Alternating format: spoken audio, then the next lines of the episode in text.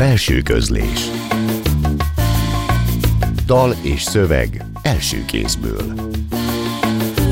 A szerkesztő Pályi Márk. Belső közlés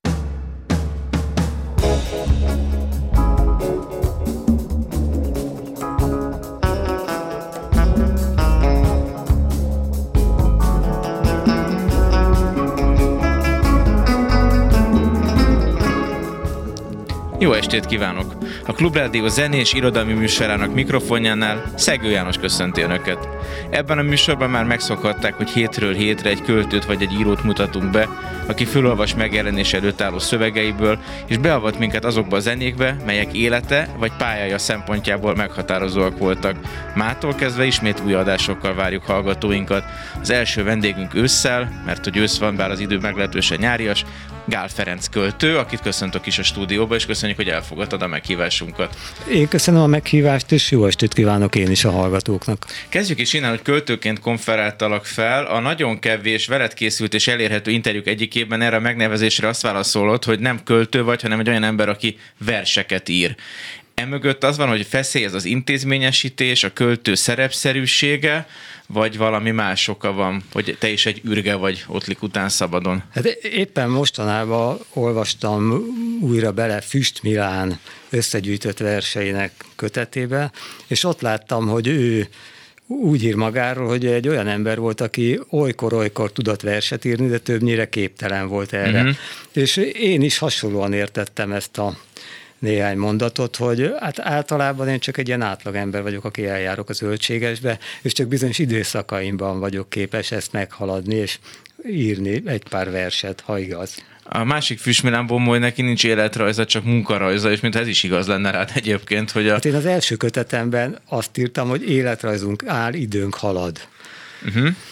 És ennek ez nem teljesen, is... nem teljesen ugyanaz, de az, az, hogy az életrajz, az tulajdonképpen hát nem sok az, az a kettőben egybeesik. Majd ezzel megpróbáljuk rekonstruálni, de minden esetre ennél a szerep dolognál maradva, hogy te egy olyan költő vagy, akinek látszólag nincsen szerepe, de közben meg, mint hogyha ez, lett, ez lenne a szereped a kortárs irodalomban, te vagy az az exotikus, zárkózott, szinte láthatatlan költő, akinek minden megjelenése egy izgalom, amikor valahogy láthatóvá válik, akár szó szerint is az, az is egy külön dolog. Te érzékeled -e ezt a perspektívát mondjuk akár a fiatalabb nemzedékek rajongásán keresztül, hogy lett egy ilyen fura szerep nélküli szereped? Hát azért én elárulom a hallgatóknak, hogy te is elég nyugodt vagy, tehát olyan óriási izgalmat nem okoz a megjelenésem, de tulajdonképpen... De egyébként mindig, csak jól leplezem. Mindig, mindig megkapom, hogy én egy rejtőzködő költő vagyok, de én nem vagyok rejtőzködő költő.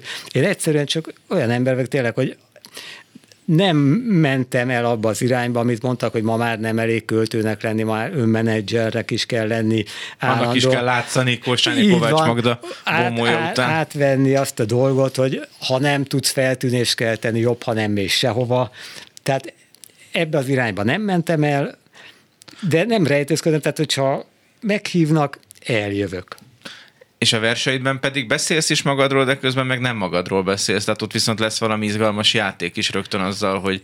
Igen, de ennek inkább az az oka, hogy hogy lesz jó a vers, az uh-huh. én. Tehát, hogy addig írom, amíg nekem tetszik, vagy amíg úgy gondolom, hogy most jó, és hogy aztán ez mennyiben szól rólam, és mennyiben nem, uh-huh. az, az változó. Azért a jegyzőkönyv kedvéért 1961-ben születtél Budapesten, és jelenleg Szentendrén élsz, ez egy meglehetősen elliptikus életrajz. Ennyit sikerült némi titkosszolgálati nyomozással kideríteni rólad.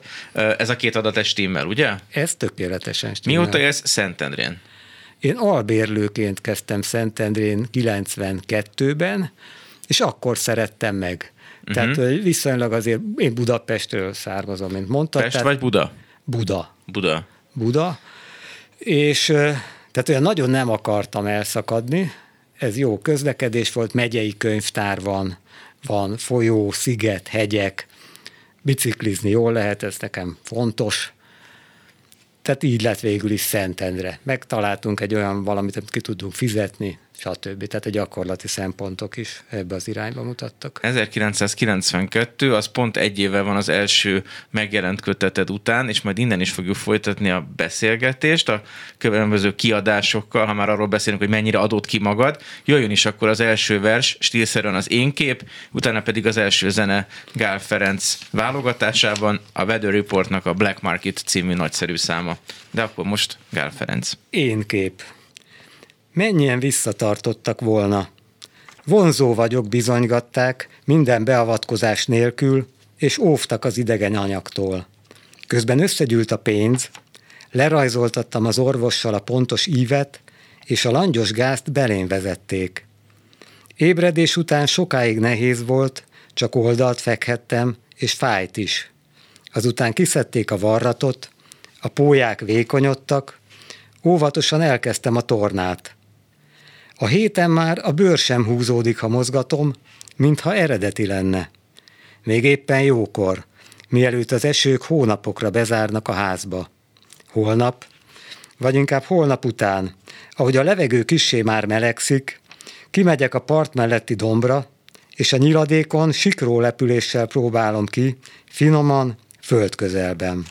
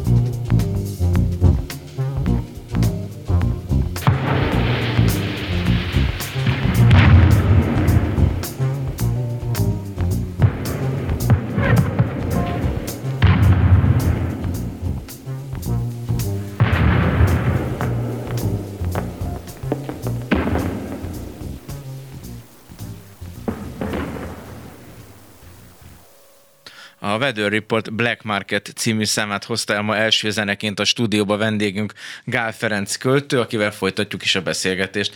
Eddig öt köteted jelent meg, de pályád elején, ha jól tudom, írtál két olyan könyvet is, amelyek nem lettek publikálva, ugyanakkor az ezekben szereplő versek a későbbi köteteidbe átkerültek. Ennek a két nulladik vagy mínusz egyedik kötetnek mi volt a címe, illetve mi a története?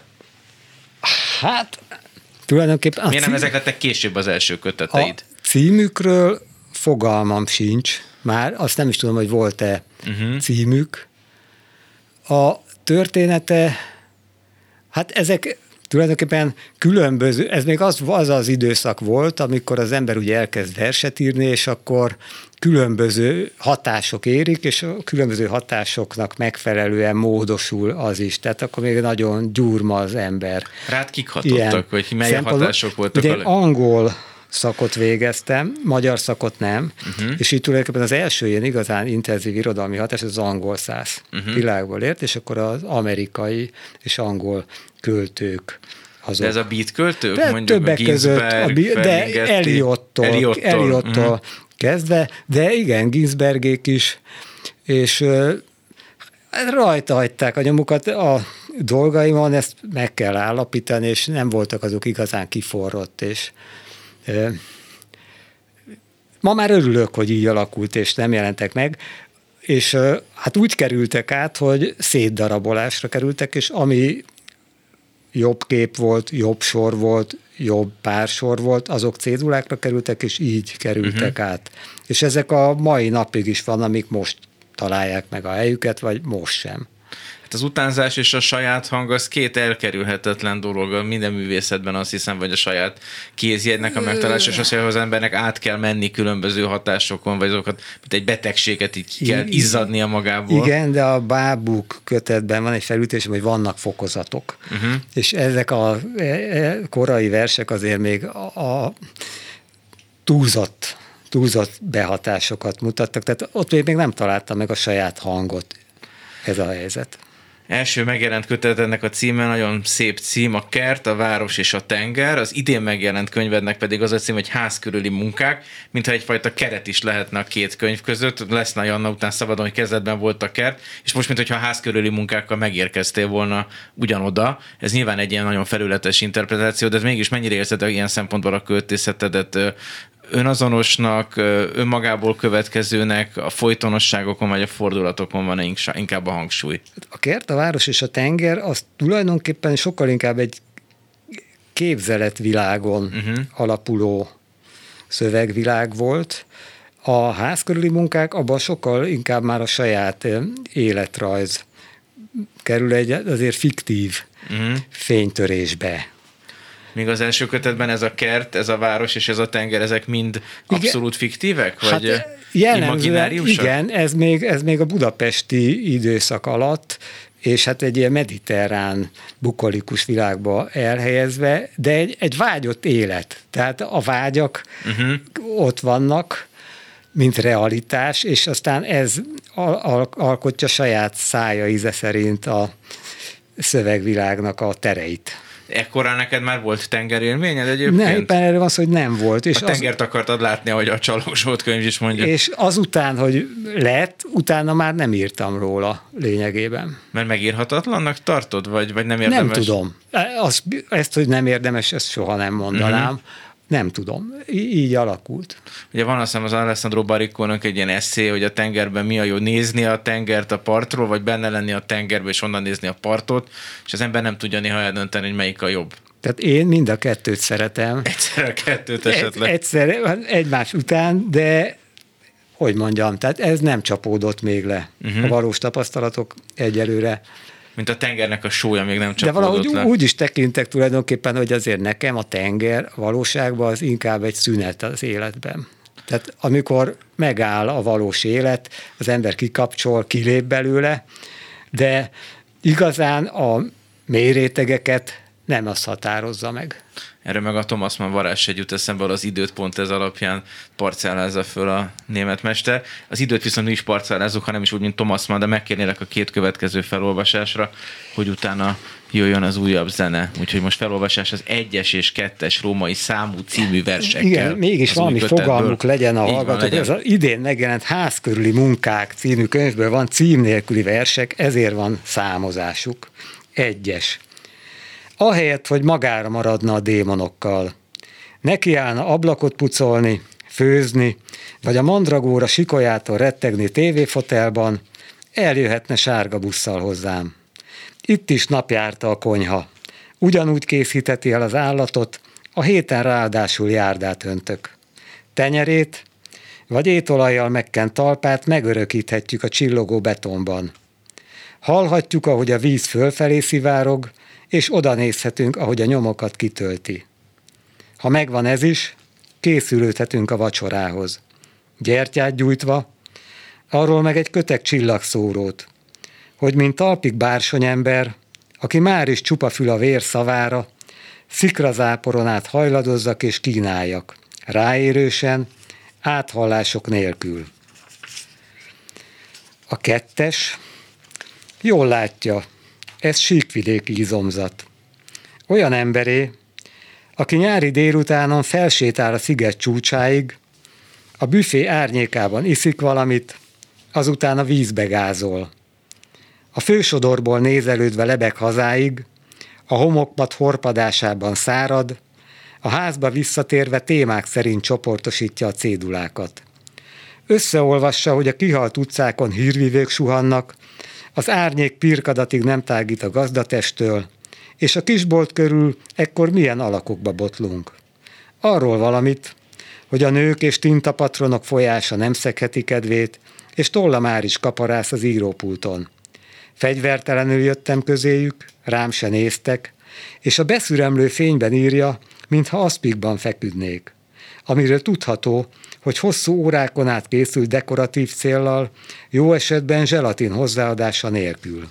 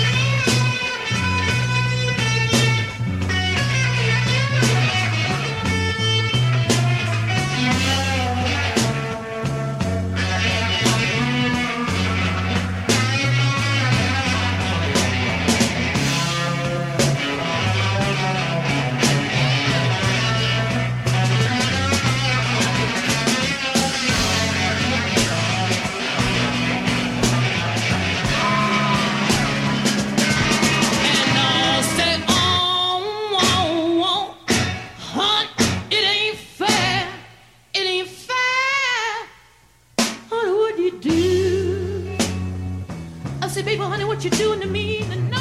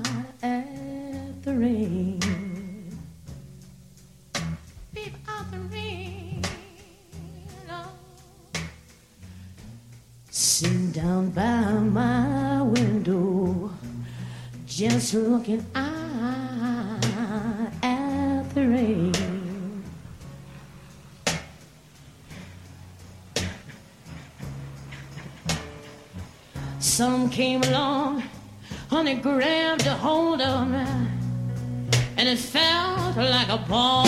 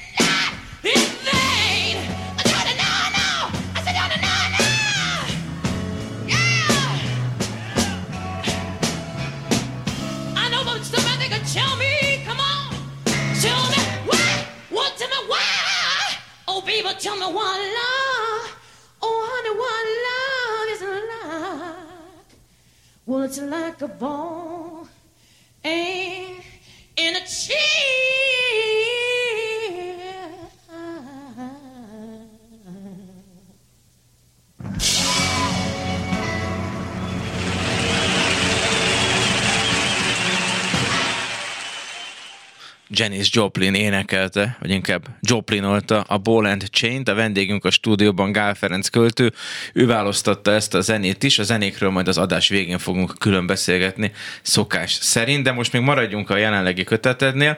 Nekem a házkörüli munkákról, mint címről az egyik első asszociációm az a Heideggeri gondolat volt, mely szerint a nyelv a létháza, és innen nézve, mintha te a nyelv körül építkeznél, rendezkednél, dolgoznál, és eleve ennek a kötetnek van egy nagyon erős immanenciája, befelé fordulása, de olyanok, meg feszegeted is ennek a zártságnak a határait. Mondjuk a korábbi köteteidben sokkal több volt a külső tér, városok, fürdőváros, utazás, ez meg egy ilyen magába záródóbb kötet, Babics után szabadon, mint a gazda bekeríteni a házát, de neked ez a metafora, a nyelv a létháza, ez eszedbe jutott mondjuk így a ház körüli munkák során, vagy sem? Hát nem. Nem. Köszönöm Hogyha szépen. Röviden, kell, Ferenc volt, röviden igen. kell válaszolni, akkor ez éppen nem jutott eszembe. Tehát ugyan jönnek a versek, egy, ahogy éppen jönnek. Uh-huh. És meg az is van, hogy Nem jegyzetek. te vagy az úr, és a vers csak cifra szolga, vagy? Hát nem egészen, uh-huh. nem egészen, meg jegyzeteket készítek, és akkor előbb-utóbb valahogy beugrik, hogy most összeállt itt ez, a, ez az anyag. Meg ezt már más helyeken is elmondtam, hogy ez egy ilyen furcsa módon jött, hogy konkrétan ház körüli munkák, egy kalászorsolyával való beszélgetés kapcsán, amikor Györfi Remek német fordító és költő. Csak igen, igen, Györfi Ákosról, akit éppen akkor közvetített Németországra uh-huh. beszélt nekem, és hogy ő azokkal a dolgokkal foglalkozik, amik ott körülötte történnek, a Börzsönyben, a kertben, a Dunán, stb. És akkor én még mondtam, hogy na hát én is nyugodtan írhatnék egy ház körüli munkát, de ez egy vicces beszólásnak tűnt. És másnap, Aztán ez lett belőle. másnap gondoltam, hogy hát tulajdonképpen miért ne, és mennyi ház körüli munka van az álommunkától, aztán bejött nekem a gyászmunka, a, maga a versírás is nekem a ház körüli munkák köré tartozik, hogy a favágás, tehát Mhm. ez egyike ezeknek, és akkor ez így alakult ki. Ö, és fel is szabadította, bocsáss meg abból a szempontból ezt a kötetet, hogy itt nincsenek külön ciklusok, külön verscímek, a korábbi köteteidben voltak, hanem egy ilyen egybefüggőbb tér, vagy egy ilyen de- dekoncentrá- decentralizáltabb tér van. Ö, igen, de tulajdonképpen én a címekkel mindig hadilában állok, mert én úgy gondolok a saját versenyemről, hogy nem tematikus versek. Tehát én nem egy eseményről jellemzően, nem uh-huh. egy eseményről, nem egy tárgyról, nem egy személyről írok. Most felhívom a olvasó, a hallgatóknak a figyelmét, hogy a következő versben is egy széttartó részletekből valami kohéziója mégis van, hol egy gondolatmenet, hol mégis bejön egy a részletektől akár külsődleges esemény. Mint a több vers morajlana párhuzamosan egyébként, és ezeknek lennének ilyen közö- közös metszeteik. Tehát a címeket azt mindig ilyen mesterkér dolognak tartottam, és itt meg valahogy már végképp nem És mi a volt. helyzet a mottókkal? Mert a mottóid viszont nagyon jellegzetesek, hogy egy kis nyomozó munkát adsz a bölcsészeknek, hogy megtalálják, hogy honnan van az idézet. René Sárt találtam a korábbi kötetnél, Igen, szerkesztőm de még kereshetnék. Péceli be. Dórának égnek merett a haja, hogy adjuk meg, meg illik megadni a motto forrását. Igen. És mondtam, hogy de ezek nem mottók, tehát én nem akarok senkihez kapcsolódni, hanem ezek nekem jó címek. És ezért, ezért állnak itt, nem óhajtom azt, hogy akkor, mert ugye mindig aki bírálatot ír a könyvre, az nagyon jó kapaszkodó, és akkor hogyan kötődik ehhez. De én tulajdonképpen nem, nem kötődik. Most a, bekerült egy japán szerző azzal, hogy mit tudom én, nekem elég, hogy te tudod. És én nem is tudom most már, hogy van. Uh-huh. Tehát, hogy bárkitől lehetne, hát nála találtam meg, kiveszem, mert ha egyszer másnál találom meg, akkor idézem, hogy nem a sajátom, ezt megmutatom, de lényegtelen, hogy tőle van, ha bárki mástól lenne, tehát nem kapcsolódom ezáltal az ő De világához. ezeket a kényelmes kapaszkodóktól mentesen az olvasónak is egyfajta ház körüli munka, vagy az Igen. értelmezőnek, ha pláne, hogy ne, ne legyenek meg az alibik, meg a hát könnyű dolgok. ma az internet korszakában alapvetően, ha valakit annyira érdekel, Akkor szerintem azt a utána tud, keresztény ö, idézetet az egyik utá, kötetetből. utána tud menni, ha pedig annyira nem érdekli, akkor szerintem nincs is rá szükség. A verseidre viszont szükség van, úgyhogy meg is kérnélek, hogy a 3-as, illetve a 66-os számú című verset olvas fel, és utána jön zene, és még egy beszélgetés. Igen, akkor tehát a hármas. Ez nem ismeretterjesztő kiadvány. Nem is jobbik énem tudatfolyamából félkönyöknyi, amit párás szemmel utódomra hagynék. Hogy szorult helyzetében segítse, mint serdült ifjakat, a márványember Bódévárostól és nyelvromlástól mentes költeménye. Lebegtetve, hogy a szavak összhatása bizonyul-e valaha is forráskódnak, vagy az írópulton csak egy újabb besorolás készül. Megint egyszer külön kerülnek az olyan töredékek, hogy a mozdonytemetőnél nem kapni virágot, a fa is vízben állva lesz súlyosabb a víznél. A megidézett folyó átszeli a tíz szótagos mondatok világát, négy motoros gépek húznak keletnek, és a fák mögött az ugfőzde üstye csikordul, ha éppen az kell. A 66-os morzsálódnak a könyvek. A fehér várost széthordják az uszályok és a hangyák, innen folytatom majd. Most lámpát gyújtok, körömnyire csavarom a lángot, és a függőágyba telepszem. Szakavatott pózomban, a holdpont súlypontommal úgymond egybeolvad. Holnap azt terjesztem majd, a hírek alatt elvették az áramot, a kérdő tekintetek lázba hoznak. A rajzásról, a kapcsolt ige hirdetésről szólok, a kutató fúrás éjszakai bűvköréről. A készfogással búcsúzókat intem, hogy ez a hét az utolsó, amikor az aszalóból kikerülő gyümölcsök cukor és sav tartalma támogatja egymást. Tovább árnyalva a tapasztalat egyéni mi voltát, a félvad völgylakóként távozom, akinek az ingázók úgy általában látnak.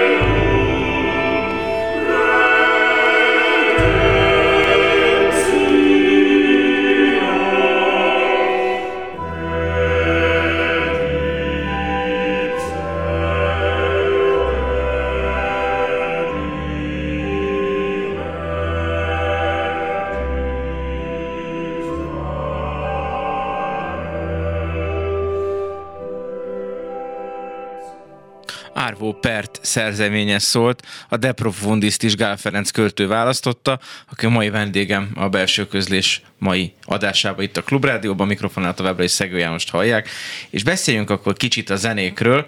Mi alapján választottad ki ezeket a számokat, milyen a kapcsolatod ezekkel a zenékkel?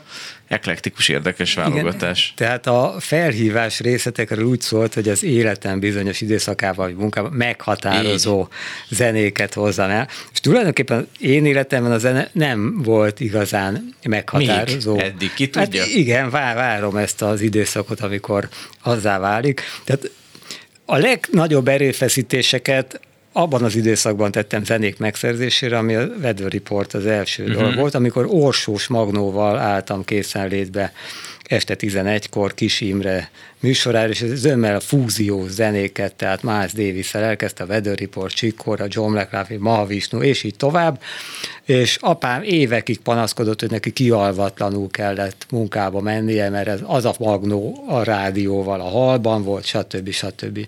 Tehát ezt ezért hoztam el. Uh-huh. A, a második zene, a Janis Joplin, még az is ezt reprezentálja, hogy kivártam, amíg a szocialista külkereskedelem beszerzi ezt. Kossuth Lajos utcába mentem, a Városház utca sarkán volt egy keravil. Uh-huh. És szemem sarkával, úristen, Janis Joplin legnagyobb slágerei, lemez, a kirakatban, 80-as évek elején, tehát fantasztikus. Igazi dolog. bakelit gondolom akkor. Igen, lehet. Nem tudom megmondani, hmm. nem akarok ilyeség, nem akar hasalni. De tehát, hogy én megvár, én nem vagyok az, hogy ecserire jártam. Uh-huh. Nem volt meg az a baráti köröm, vagy bátyám, aki be, bevezetett ebbe a világba, és így kézről, kézen közön mentek a zenék, uh-huh. hanem egy ilyen, hát nem is tudom, milyen kényelmes hozzáállással. És aztán pedig nagyon sokáig nem hallgattam Joplin, de csináltak vele 15-ből vagy 16-ban most egy filmet. És akkor megnéztük, és hát libabőrös lett ettől, ez a szám Monterey Pop Fesztiválon tűnt fel, ezt énekelte ezt a számot, és ezt pedig ezért hoztam el, és azóta megint nem sokat foglalkoztam vele, de ti felszólalmatosotokra, akkor ez, ez beugrott, hogy ezt elhozom. A két másik zenét... Ugye az Árvópertet hallottuk, és még hátra van a Hiperkarmától az Amondo, ami az utolsó számunk lesz. Azt viszont saját irodalmi mániáim uh-huh. okán hoztam el, tehát én mindig úgy gondolom, hogy a elmélet és a kritika szeret úgy beállítani, hogy ilyen hegeliánus fejlődése van a szellemnek, lépeget egyre feljebb az önmagához való visszatalálás útján, és az adott időszakban mindig az adott helyzetének megfelelő művek viszonylag keskeny spektruma az, ami időszerű. Uh-huh. És hát szerintem meg nem így van, hanem egy sokkal szélesebb spektrum időszerűen meg lehetne csinálni, de nem születik meg az az ember, vagy elkalódik, vagy nem írja meg, amit éppenséggel meg lehetne. És nekem Pert zenében ezt mondja, hogy tulajdonképpen ő nem csinálta volna meg ezt a zenét, tehát hogy egy egyházi, ez 80-ban csinálta talán, és hogy milyen korszerű lehet egy egyházi zene, ugye ha azt mondom, hogy ez egy minimalista zene, teljes kortárs, de mégis az egyházi zeneként is egy zsoltár feldolgozás, tehát hogy ezt is meg lehet csinálni. Ez, annak idején most kalapemelve tisztelgek Balassa Péter előtt, írtam a Látvány és a Szavak című könyvről. Egy problémám volt, hogy a történetmesélés lehetősége lezárult. Hogy annak idején ez volt, és mondom, ez nem így van, tehát lehet, hogy most bizonyos történetek nem, meg de hogy csak meg fognak jönni azok az emberek. rövid mondatot még a hiperkarmáról, és utána még felolvasással folytatjuk az a adást. A hiperkarma, annak meg a szövege olyan, amilyen verseket az ember szeret írni, hogy úgy azt jön, Még a, is, jön a versbe tudom. is, hogy zuhognak csak a mondatok, mintha ez úgy kizuhant, kidőlt volna belőle ez a vers. Ő mondja, hogy mennyit izzad vele, szöszöl és szenvedett, de nem ez a lényeg, hanem hogy hogyan hat ránk, és akkor szerintem... most megkérnélek, hogy zuhanjanak is ezek Na. a sorok még így az adásunk végén. Jó, Igen, tehát akkor szépen. ez a most készülő Járóföld című kötetből lenne kettő darab szöveg, ezeknek sincs címük, Más műfajban töltögetnék még a csészékbe a maradék teából. Itt csak zuhogjanak a mondatok a lakat épségének kilenc ismérvéről, az ereinkben csordogáló vérről. Jussunk el odáig, hogy a körkörös védelem, a pálcás füstölők dacára olykor átfut rajtunk, milyen az, ha a kockákat már fapohárban rázzák, és nem babra megy a játék. Csak mert vacsoránál azt halljuk, hogy szigetek a lármás szárazfölddel összenőnek, és ez visszavonhatatlan.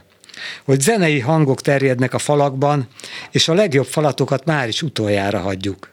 Miközben a napkorong alászáll, és a költő, már megint ez a hatás alatt álló költő, a délutáni műszak végén pamlagjára omlik. A mondatok pedig, hogy növényeket sem vállalunk el gondozásra, a félelem alaktalan volta meg naponta utánzásra csábít, a levegőben lógnak, ahogy eddig. Ez nem menedzser betegség. Csak beleéltem magam, hogy a szigeten még művelik a földet, átmentem egy kicsit szagolni, de minden vizes volt. A visszaúton aztán pontról pontra megfigyeltem, csikket pöccintve a fősodorba, hogy kell imponálni. Ahogy partra léptem, néhány fiók lebegett a hordalékban távolságot tartva. Jó ötletnek tűnt a rövid kitérő, hogy lövök neked valamit a bodegánál. Ebéd után átadom, és együtt sorra vesszük, mit tűzhetnénk hurkapálcikákra itthon, lehetőleg csoportokba osztva.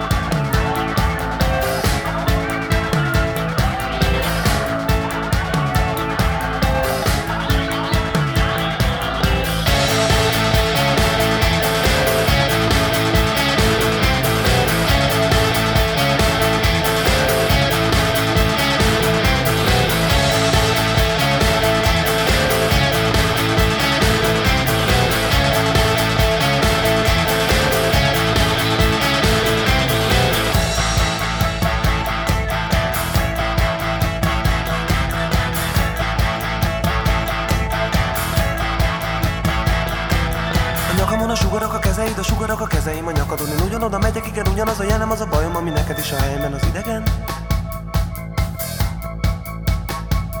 Akarod-e? Nem!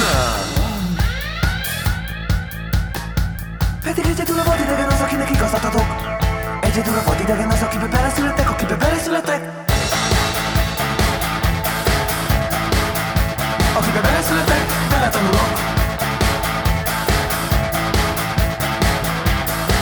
aki leszek, ugye leszek, ami marad. Egyszerre van, amire te gondolsz. Meg az is, aminek akarod, hogy mások lássanak És elzárad magad agyon a vizeket a csapok Szavakat a savak, gyökereket a gyökerek Az agyadat a fejed, tereket a falak Ugye baszokat a türelem a fülemben A bogarak a tieid, a bogarak a füleden A helyükön a fenekeden ülök. Viselem a neved, ugye leszek, ami marad Ugye vagyok, aki leszek, ugye valamire viszed Ugye valamire, valamire vidd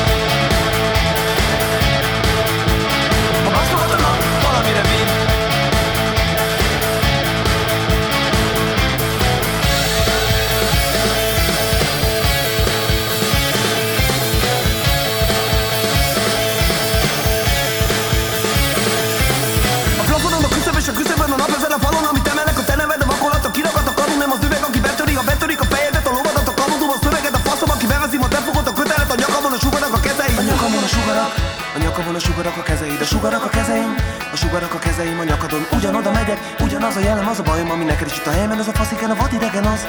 Jól nézd meg, vagyok, aki leszek, leszek, ami marad. Egyszerre van, amire te gondolsz. Meg az is, aminek akarod, hogy mások lássanak És elzárod magad agyon a vizeket, a csapok, szavakat a savak. Gyökereket a gyökerek, az agyadat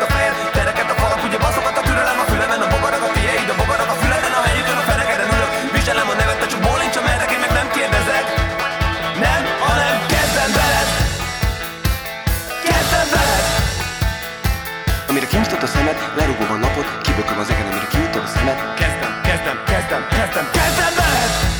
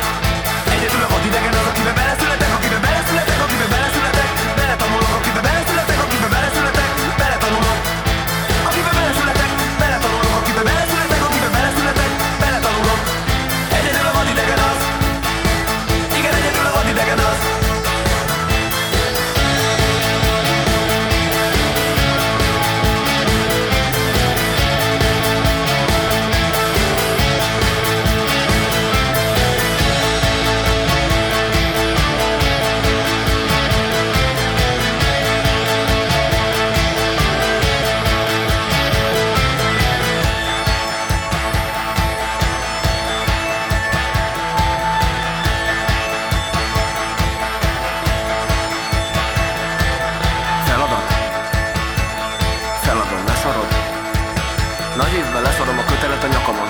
A sebet, ami nyalogat a nyavaja, ha letudom, leterek, kitedik. A köszönet a kereked, a negyedik a falon, ahogy emelik.